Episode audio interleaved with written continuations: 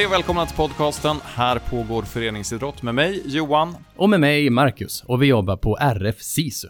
Jajamän. Och idag så är det den 14 september när vi släpper det här avsnittet. Ni kanske lyssnar lite senare, men när vi släpper det så är det den 14 september. Och det är den nationella dagen för skoljoggen. Vad har du för relation eller minnen av skoljoggen, Marcus? För det första så tycker jag kanske inte att det var all, allmänt känt att det var den, all, den skoljoggdagen. Men jo, men det är klart att man har minnen från skoljoggen, eh, att man var ute i, eh, framförallt när vi gick på grundskolan, men det här är ju 25 plus år sedan. Att man eh, var ute och sprang eh, skol... Eh, I skolskogen så hade vi en, eh, vad heter det, sträcka, slinga.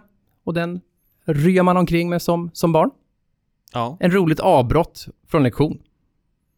Ja, så var det ju verkligen. Vad har du för minnen? Eh, men jag minns det som att det blev någon typ av taktiskt upplägg. För vi hade tre olika slingor man kunde springa och det var viktigt att springa där i rätt ordning för att få så mycket kilometer som möjligt för att då bli bäst i klassen och sådär. Så det var mer taktiskt än löpkunnighet nästan på Helsingbergsskolan i Falun när mm. jag kutade runt där i skogarna. Men det är också några år sedan. Det var en kilometerjakt som var den var öppen liksom, att ni hade resultatlistor och sådär? Eh, ja, så var det ju och den som hade sprungit längst fick priser och sådär. Ah, okej. Okay. Eh, så var det på den tiden. Ja. Som sagt ett tag sedan. Det kan antingen, för det, det, här kommer jag inte ihåg, det här momentet att det, var, att det var uttalad tävling, men det kan ju också vara för att jag inte hade någonting i toppen.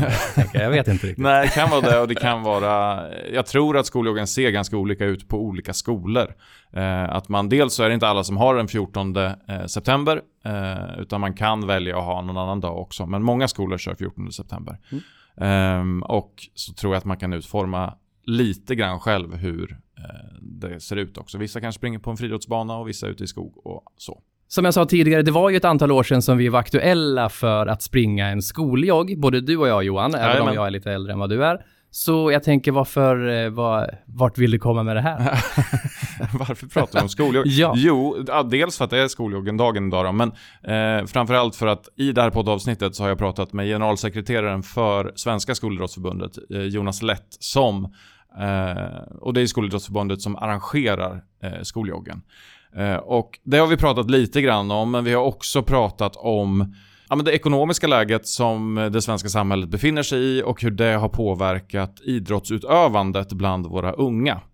Eh, Skolidrottsförbundet kom med en rapport i våras som visade på att eh, ungefär 100 000 barn har fått sitt idrottsutövande eh, påverkat eller neddraget på grund av det ekonomiska läget i Sverige. Jag har också tagit del av den här SIFO-rapporten som kom i våras och det är ju skrämmande siffror. Eh, och det ska bli spännande nu att se om man gör en uppföljning på det här. Men jag tänker att vi, eh, vi hoppar in och lyssnar på det du och Jonas pratade om.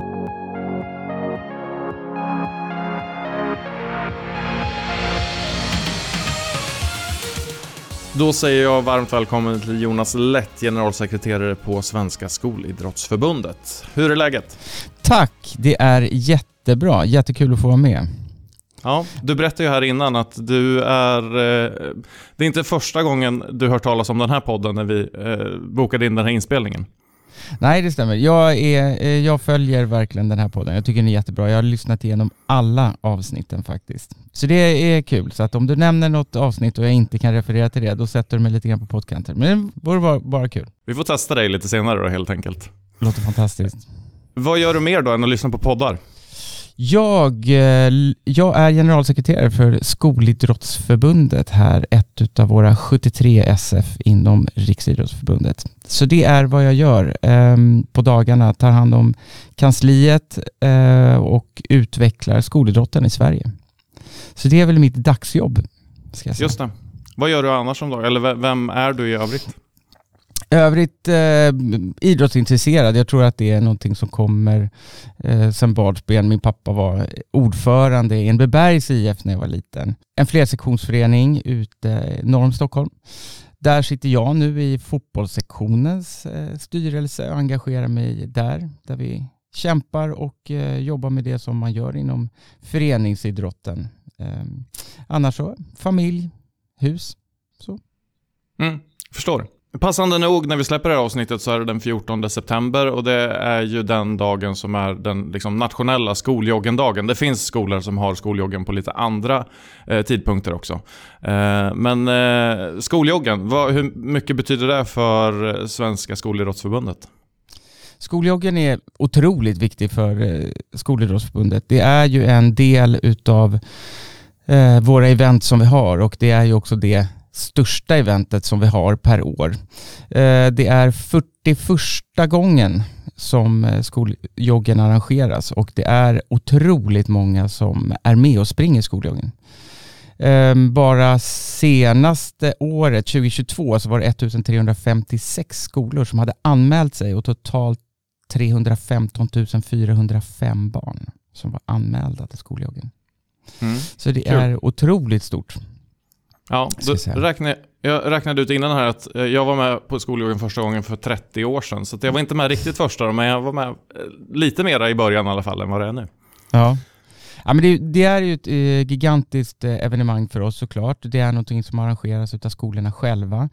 Vi, de går in på skoljoggen-sidan, anmäler sig och sen så tar de något av de koncepten som finns därifrån och så springer man och man springer så mycket man vill och så mycket man kan helt enkelt. Man kan också rulla om för de som är rullstolsburna eller ta sig fram på andra sätt som man känner är det bästa sättet att ta sig fram på helt enkelt. Man gör det utifrån sina egna förutsättningar. Mm. Varför tycker du skoljoggen är en, eh, ett viktigt evenemang? För det antar jag att du tycker. Ja, exakt. eh, jag tycker det är ett jätteviktigt arrangemang. Det är något som får alla att röra på sig utifrån sina egna förutsättningar såklart. Och jag tycker att det är någonting som också bryter av skoldagen på ett sätt. Vissa gör det på skolgården, andra kanske gör det ute i ett löpspår eller på någon äng eller liknande. Ehm, så att jag vet hur mina barn som har, eh, springer och har sprungit skoljoggen så får, springer de en liten slinga och varje gång de passerar start så får de ett streck på handen och sen så räknar de ihop hur långt de har eh, hur många varv i den här slingan som de har sprungit och så kan de antingen om de vill tävla inbördes så gör de det. Andra kanske inte vill vara med och ha något streck överhuvudtaget. Men jag tycker just den här att det är så viktigt just för att ur två perspektiv. Det ena är att man bryter av skoldagen och går och rör på sig och att alla gör det. Alla som har möjlighet för den dagen att göra det och gör det utifrån eh, sina delar. Det blir också ett socialt sammanhang när de som kanske inte vill springa kanske går tillsammans för ett resonemang och samtalar om vad man nu samtalar om när man går. Eh, så det tycker jag är väldigt eh, viktigt. Vi har den andra delen i skoljoggen som är springslanten. Det är en frivillig insamling som man gör genom att swisha in. Ehm, den summa som man själv känner att man vill swisha in. Det kan vara en krona eller det kan vara tio kronor eh, och inte heller något tvång.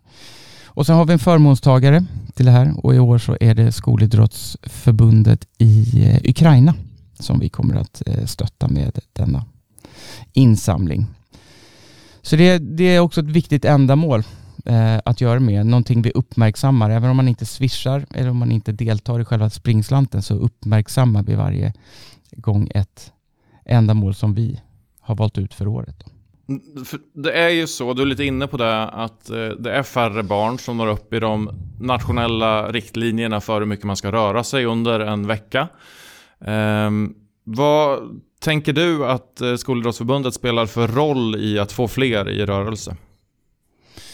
Skolidrottsförbundets roll, jag tycker den blir viktigare och viktigare just på grund av att de ekonomiska klyftorna ökar. Ehm, jag vet att det är stor skillnad ute i landet. Om jag säger att vad det kostar i till exempel att spela fotboll i ehm, en kommun i förort till Stockholm så skiljer den sig väldigt mycket från en annan idrott någon annanstans eller liknande. Så det är svårt att liksom, uttrycka exakt för vilken roll det spelar. Men vad vi kan se är ju att det har ökat ökat över hela landet i alla idrotter vad det kostar att idrotta. Skolidrottsförbundet, alltså en skol-IF, är ju av unga för unga, så är det meningen att det ska vara unga som leder andra unga. Där det ska vara ett gratis eller nästintill gratis medlemskap. Då. Vissa vill ju ha att man kanske ska betala 10 kronor för, för medlemskap och det handlar, den tian handlar om att man ska vara medveten om att man är medlem i en förening. Så att man inte bara skriver in massa en hel klass eller någonting sånt och de själva inte vet om att de har blivit medlemmar i en förening. Så därför så har de flesta skolorna eh, kanske 10 kronor eller liknande som en medlemsavgift. Men vi märker ju att det har under det senaste året så har det varit en väldigt stor skillnad på hur det har varit tidigare. Att man faktiskt gör ett aktivt val i familjen, att föräldrar och vårdnadshavare gör ett aktivt val att dra ner på idrottandet på grund av att det just kostar så pass mycket pengar. Eh, och det är otroligt tråkigt att man då inte kan utöva den. Och här är ju skolidrottsföreningarna gratis. Eh, aktiviteterna är ju gratis. Utbildningarna är gratis. Det kostar dem ingenting att vara med.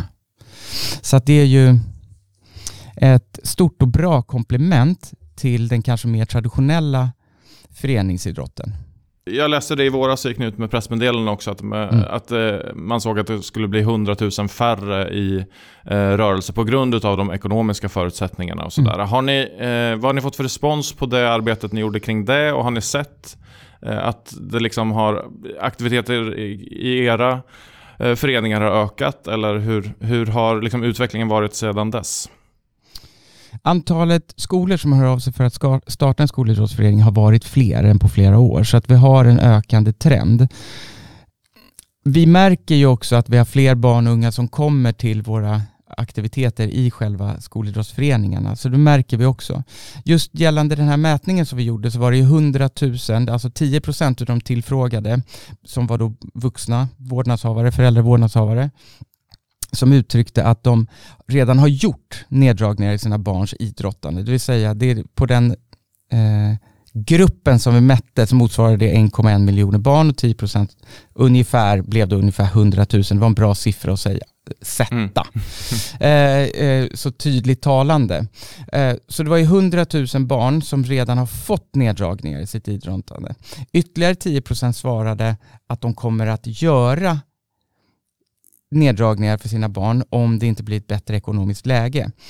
Och det sa de att de skulle göra under våren. Nu sitter vi i hösten så ganska tydligt så märker vi en ökning, vilket då vi kan gissa bara att det har bidragit till att man har gjort neddragningar i sina barns idrottande. Och det är otroligt sorgligt. Vi hoppas ju på att vi ska kunna göra om den här mätningen till vintern igen för att kunna se vad hela 2023 har inneburit. För idrottande för barn och unga helt enkelt. Om det har de ekonomiska konsekvenserna gör att man idrottar mindre. Mm. Det vore otroligt ja, det, tråkigt. Ja, det är en, en uh, otäck utveckling uh, om mm. det blir där man väljer att spara in med tanke på de långsiktiga effekterna det kan få när man inte är i rörelse och så vidare. Um, men du, nu pratar vi lite som att det blir att eh, men skolidrotten eh, blir den billiga lösningen och idrottsföreningarna är dyra. Och så är det ju absolut inte överallt. Utan det kan ju verkligen vara eh, väldigt billigt att hålla på med en idrotts... eller en, en föreningsdriven idrott också. men hur ser ett samarbete ut med olika idrottsföreningar och med eh, Riksidrottsförbundet? Ja, men jättebra fråga, för det här, och det är bra att du lyfter. Eh, att nej, idrott är inte, alla idrotter är inte dyra. Det är inte dyrt med samma idrott i hela landet och det är viktigt att poängtera precis som du gör. Det finns delar som är jättebra och jättebilliga, även om det är samma idrott så kan det skilja sig jättemycket över landet. Så vi ska inte dra alla idrotter över samma kam och att alla, liksom, det är viktigt att poängtera som du gör. Um, Vårat, som vi ser då om vi kommer tillbaka, det är inte inskrivet som ett uppdrag, men vi ser ju det som en del av vårt uppdrag. Det är ju att förse idrotten med fler barn och unga som idrottar. Säg att vi skulle kunna kanske ha en orienteringsaktivitet eller bågskytte eller dart eller boll eller någon av idrotterna och så märker man då att det är något av barn och unga som intresserar sig för just den här aktiviteten så är ju vårt liksom, vi vill ju peka att där borta finns det en bågskytteförening, gå och testa där. Eller där kanske det finns en orienteringsförening, gå dit och testa där. För vårt mål är ju liksom i de här aktiviteterna att få fler barn och unga att kliva in i det ordinarie föreningslivet och där kanske stanna kvar hela livet idrotta så länge det går i förening. För det är ju, man kan ju inte stanna i en skolidrottsförening hur länge som helst. Någon gång slutar man ju skolan. Och då är det ju, vill vi ju via att de har gått vidare till en idrott som de har hittat genom skolidrottsföreningen. Då. Så att vi vill ju såklart att så många, ha så nära samarbete med lokala föreningar som kanske kommer och besöker en skolidrottsförening man kanske kommer att prata om ledarskap, hur det fungerar i sina föreningar, om det är flersektionsföreningar. Så det är ju otroligt viktigt att vi ser oss själva som ett, att vi kan göda andra föreningar och andra förbund med medlemmar. För det är ju det, är det bästa både för oss och för, eh, för de andra såklart. Mm. Mm. Ja, och det kan vi säga det också från RFSI håll så är, har ju vi mycket olika satsningar också som är kopplade till skolan. Vi har rörelsesatsning i skolan som har pågått nu i flera år. Vi har haft idrottens dag som egentligen går ut på det du säger, att man är ute i skolan och visar upp föreningar för att man ska få testa på olika idrotter och förhoppningsvis hitta någonting som man sen vill fortsätta själv med också. Så det finns ju ett väldigt tydligt samarbete. Ehm, men jag tänker på det att det finns ju också um, Alltså i Sverige så pratar vi ofta om att vi, föreningsidrotten är eh, en styrka för att det, fler får plats då helt enkelt än om vi jämför det med i många andra länder där skolidrotten är det Eh, naturliga sättet att bedriva sin idrott. Eh, I avsnitt 102 till exempel så hade vi med Helena Duplantis eh, som då är uppvuxen i Sverige men har då haft sina barn i USA och, jämförde lite det här och såg ju styrkor och svagheter i båda uppläggen egentligen. Har du någon reflektion kring det här? Liksom, hade du önskat att så här, nej, men skolidrott hade varit det bästa för oss i Sverige också? Eller hur, hur tänker du kring den här frågan? Eh, vad bra, nu fick du in det där avsnittet också. Jag har lyssnat på det, otroligt bra avsnitt. Nej, men jag, eh, och jag, där rekommenderar jag fler att lyssna på, för jag tror att eh, det är ett, också, precis som du säger, det ena bör inte utesluta det andra. Eh, jag skolidrotten i världen är ju gigantisk. Tittar man till mm. exempel på gymnasiaden som var nu, det är alltså för de som är 15 år, så gick av stapeln i Rio. 3500 deltagare i olika idrotter. Ehm, det är ju ett enormt evenemang. Från hela världen så var det såklart deltagare där. Ehm, och det där är någonting som jag tror att vi inom Skolidrottsförbundet kan bli bättre på, att skylta med de internationella möjligheterna. Alla kommer inte att kunna få möjligheten att dra på sig svenska eh, landslagströjan oavsett idrott. Den möjligheten kan man få genom Skolidrottsförbundet eller genom eh, sin skol-IF för att man anmäler sig till att vara med på ett internationellt evenemang. Här finns det också en väldigt bra ledarskapsskola för de som ledare som kanske vill fortsätta den delen, att få testa på att åka med sitt skol som ledare, som en ung ledare, testa på hur fungerar internationella evenemang som ledare, hur fungerar det när 400 personer ska gå och äta samtidigt när man bor på de här campsen. Vi har en stor roll här att visa att det finns ett gigantiskt skolidrott utanför Sverige Just det. Men vi pratar ju ofta om att eh, föreningsidrotten är bra för att vi får fler att vara aktiva genom föreningarna än vad man kanske får i många andra länder där man har det via mm. skolan. Mm. Eh, delar du den bilden eller tänker du att så här, vi hade, det hade varit bra ifall vi hade haft en mer större idrottsverksamhet i skolorna jämfört med i föreningar? Nej, det tror jag, nej, det tror jag inte. Så jag, just föreningsdelen är jag fast övertygad om att den är väl, väldigt bra. Så det, det ser jag nog inte. Skulle man ha, om man då skulle titta strikt på den amerikanska delen eh, som gjordes i det tidigare avsnittet så tror jag att den är, den är mer selektiv. Det är fler som får kliva av. Det finns inte riktigt något sätt att trappa ner där utan då behöver du gå utanför eh, den delen, alltså själva skolidrotten. Det blir väldigt selektivt och väldigt rangordnande så det tror, tror jag inte skulle gynna eh, det svenska idrottandet utan där tror jag definitivt att den är väldigt bra. Så när jag menar också så tänker jag på bara själva skolidrotten, hur vi skulle kunna få fler att eh, visa upp sig i stora sammanhang eller kanske tävla inom skolan, även om man inte del i, eh, är med i en lokal bågskytteförening till exempel och tävlar där, utan man kanske skulle vilja göra det i ett annat sammanhang.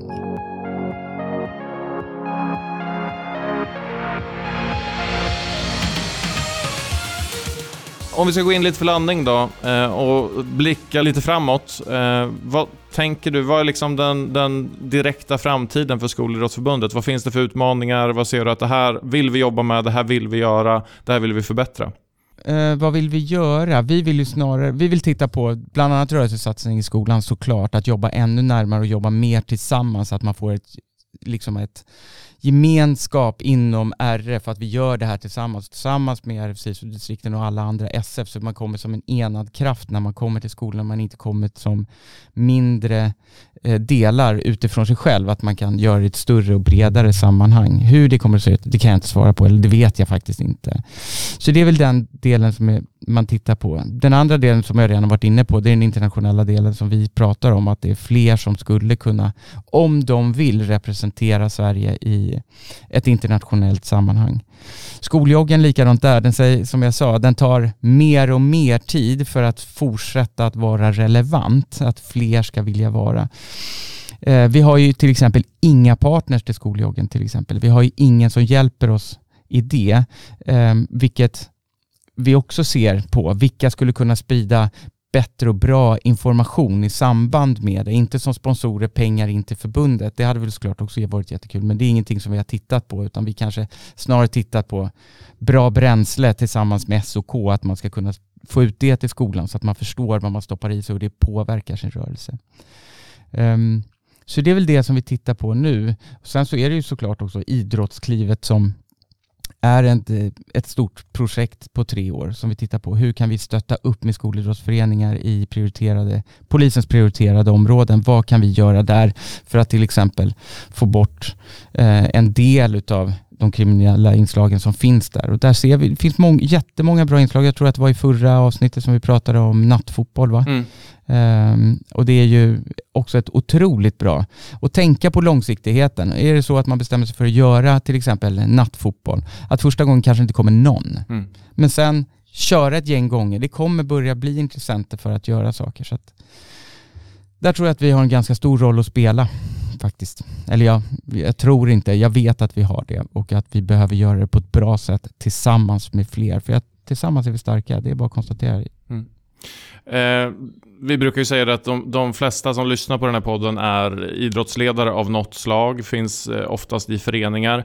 Hur tänker du att de eh, som ledare skulle kunna ha nytta av det skolidrottsförbund som finns nära dem?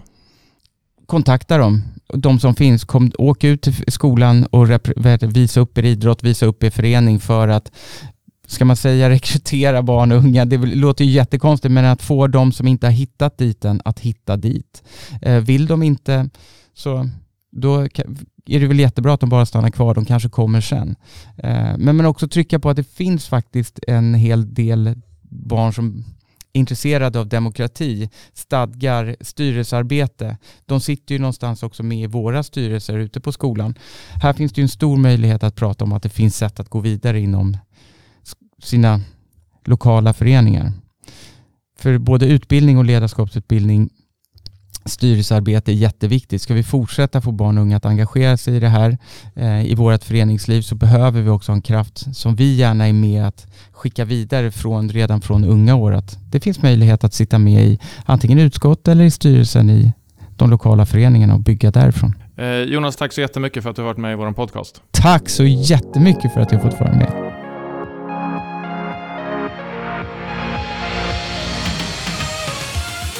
Ja, då tackar vi Jonas för hans medverkan i våran podcast och jag vänder mig till dig Johan och undrar eh, om det är något speciellt du tar med dig från ditt samtal med Jonas? Eh, det är det ju och det är det ju alltid. Jag tror att eh, våra lyssnare kanske börjar bli less på den här frågan, men jag tycker att det är en bra fråga att inleda de här diskussionerna med, så det är därför vi fortsätter ställa den.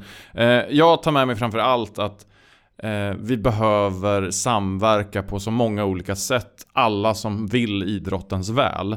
Eh, och det tycker jag, Skolidrottsförbundet är ju ett idrottsförbund som sticker ut lite i mängden. Eh, men även bland andra förbund så är det viktigt att hitta någon typ av samverkan för att det vi egentligen vill och det som är vår största drivkraft de allra flesta i alla fall är ju att ha en idrottsrörelse som fungerar där vi får många barn och unga i rörelse och ska tycka att det är väldigt roligt att hålla på med idrott.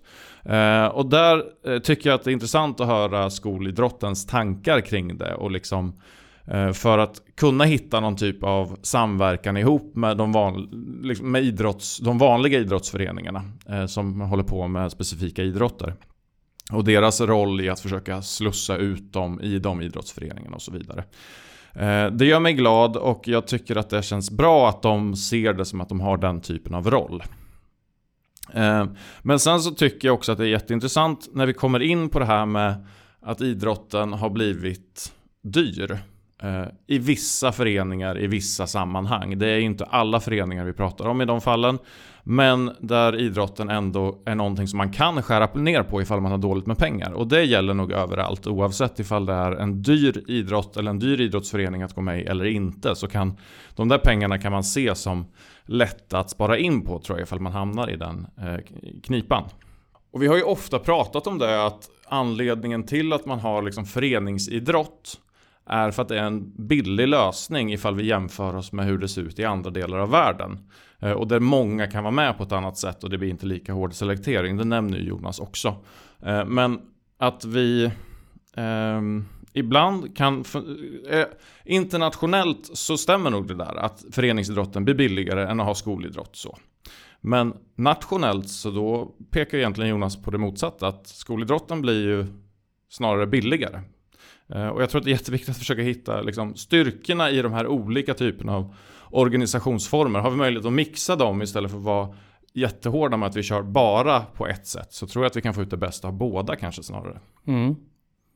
Ja, jag håller med. Ehm, och för det första så vill jag säga att Jonas, det, vi har ju många entusiasmerande människor med i podden och det är härligt att lyssna på Jonas som är just en sån här människa som också det, han är generalsekreterare i ett av 73 specialförbund och det känns som att han har fullständigt klart för sig och sin organisation vad skolidrotten står för, vilken roll man har och vilken verksamhet man ska ha. Och att höra han eh, skifta mellan skolidrottsföreningarnas roll på skolan som aktivitetsskapare, men också som stepping stone in till andra idrottsföreningar i närområdet är ju otroligt nyttigt att bara få lyssna till. Sen får man med sig väldigt mycket också i en skolidrottsförening med eh, föreningskunskapen, föreningslära, förståelse för hur en förening fungerar som man har nytta av resten av, av livet i stort sett.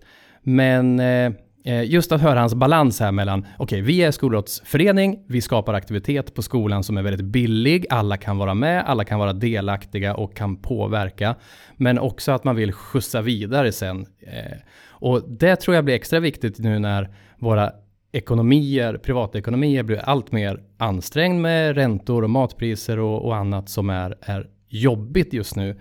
Att hitta och fortfarande vara en billig kraft som skapar aktivitet både för folkhälsans skull men också för eh, idrottsrörelsens skull och börja redan på unga åldrar och tillsammans med andra föreningar men också med andra projekt som ni var inne på med skolidrott, eh, rörelsesatsning i skolan eller eh, med eh, idrottsklivet som drar igång här i dagarna. Ja, så är det ju. Och det, många skolor drivs ju av kommuner, det finns ju friskolor också, men de allra flesta drivs av kommuner. Och när jag träffar idrottsföreningar känns det som att det man pratar mest om i liksom kommundialogen det är anläggning, vilket absolut är en jätteviktig fråga. Men man pratar väldigt mycket om att komma in i idrottshallar eller få nya idrottshallar byggda eller andra typer av idrottsytor. Och i den dialogen kan jag ibland sakna liksom samverkan kring hur vi ska nå de här som vi inte riktigt når. För faktum är ju att skolan når nära på 100% av alla barn i alla fall. Eh, Medan idrotten når många men inte 100%. Eh, och det, I liksom dialogen mellan förening och kommun så skulle jag ett större fokus egentligen las på den typen av samverkan. Hur kan vi dra nytta av att ni når alla barn och unga så vi ser till så att fler mår bra både psykiskt och fysiskt när de har gått ut skolan sen. Men jag fattar också att det är, kanske, det är ju inte den frågan som liksom driver eh, en eh, innebandyförening kanske heller i första hand, eller en friidrottsförening, just folkhälsofrågan. Men jag tror att det är väldigt viktigt att liksom, i en dialog med kommunen lyft in den på något sätt. För att oavsett ifall det är den frågan som driver en förening eller inte, så bidrar innebandyspelandet eller friidrottstränandet till eh, folkhälsa. Ja men precis, och man, man, man hade ju önskat att det ser säkert väldigt olika ut var i vilken kommun man befinner sig och vilken skola man tillhör och sådär. Men det skulle ju vara positivt tänker jag om mer resurser lades till att vara att, att jobba med vuxenstöd åt skolidrottsföreningar och se skolidrottsföreningar som en självklar del av ens skola. Jag vet inte om det kan vara i konkurrenssyfte eller marknadsföringssyfte eller rekryteringssyfte och sådär, men och framförallt för den vinst som det blir för eleverna som går på skolan med ett välfungerande skol-IF och välfungerande elevråd och andra liksom organisationer. Så här önskar man ju att, att ett vuxenstöd fanns på var och varannan skola som hade möjligheter att ta sig an eh, och, och hjälpa hjälpa eleverna att driva sitt skol-IF och kanske också vara en knutpunkt till föreningar som är inne i, sko- i rörelsesatsningen i skolan eller andra föreningar och liksom lotsa vidare att här har man elever eller någon andra som rör sig i skol-IF som är intresserade av en specifik idrott. Men då kan man hjälpa den eleven att hitta en bra förening eller ingångar och sådär. Så jag förstår ju också att med, med sämre privatekonomi så blir det ju att man måste ju skära ner på någonting och det är ganska det är tråkigt men väldigt enkelt att dra ner på sin kostnad för fritidsaktiviteter. Oavsett om det är idrott eller andra fritidsaktiviteter så är det, det, det är ju jätteviktigt men har man inte, har man det väldigt knapert så är det ju såklart där man kan spara. Ja, och vi ser ju redan nu att det finns den typen av klyftor. Att de som har mycket pengar har en bättre hälsa generellt än de som har mindre pengar. Så det finns ju ett problem här redan att ta tag i. Och det är lite det jag menar. Att jag tror att skol-IF tillsammans med idrottsföreningar, för jag tror att det är viktigt att man går hand i hand kring det här ehm, kan vara en del av den lösningen. Eh, och det vi också vet att har man en viss del av fysisk aktivitet under skoldagen så ökar också skolresultaten. Det är också sånt man har sett på i flera olika studier. Så det är ju att få våra barn och unga att röra sig är ju jätteviktigt. För egentligen alla parter som finns i det här. Men det är kanske svårt att hitta eh, Det är ju svårt att hitta en lösning. Och som idrottsförening i det här så tror jag att man bara kan ibland testa och lyfta den dialogen när man ändå sitter och pratar anläggningsfrågor då med kommunen så kanske man bara kan lyfta frågan vad finns det för arbete kring det här? Finns det någonting vi kan göra och på så sätt eh, skapa en, en relation med kommunen? Om man har möjlighet att göra det såklart. Som allt som vi pratar om i den här podden egentligen. För att vi kan lägga på jättemycket på idrotten. Men också det som vi redan gör är ju också fullt tillräckligt på många sätt. För de som är där. Men det är intressant om vi kan få dit ännu flera tycker jag. Mm. Men då tycker jag att vi eh, avslutar där vi startade. Och eh, idag är det dags för väldigt många skolor att arrangera skoljoggen. Så vi önskar alla elever som eh, är ute och joggar eller rullar eller hur man nu tar sig runt den här sträckan och önskar dem ett stort lycka till. Ja, och ni som lyssnar på det här i efterhand och redan har sprungit, bra jobbat!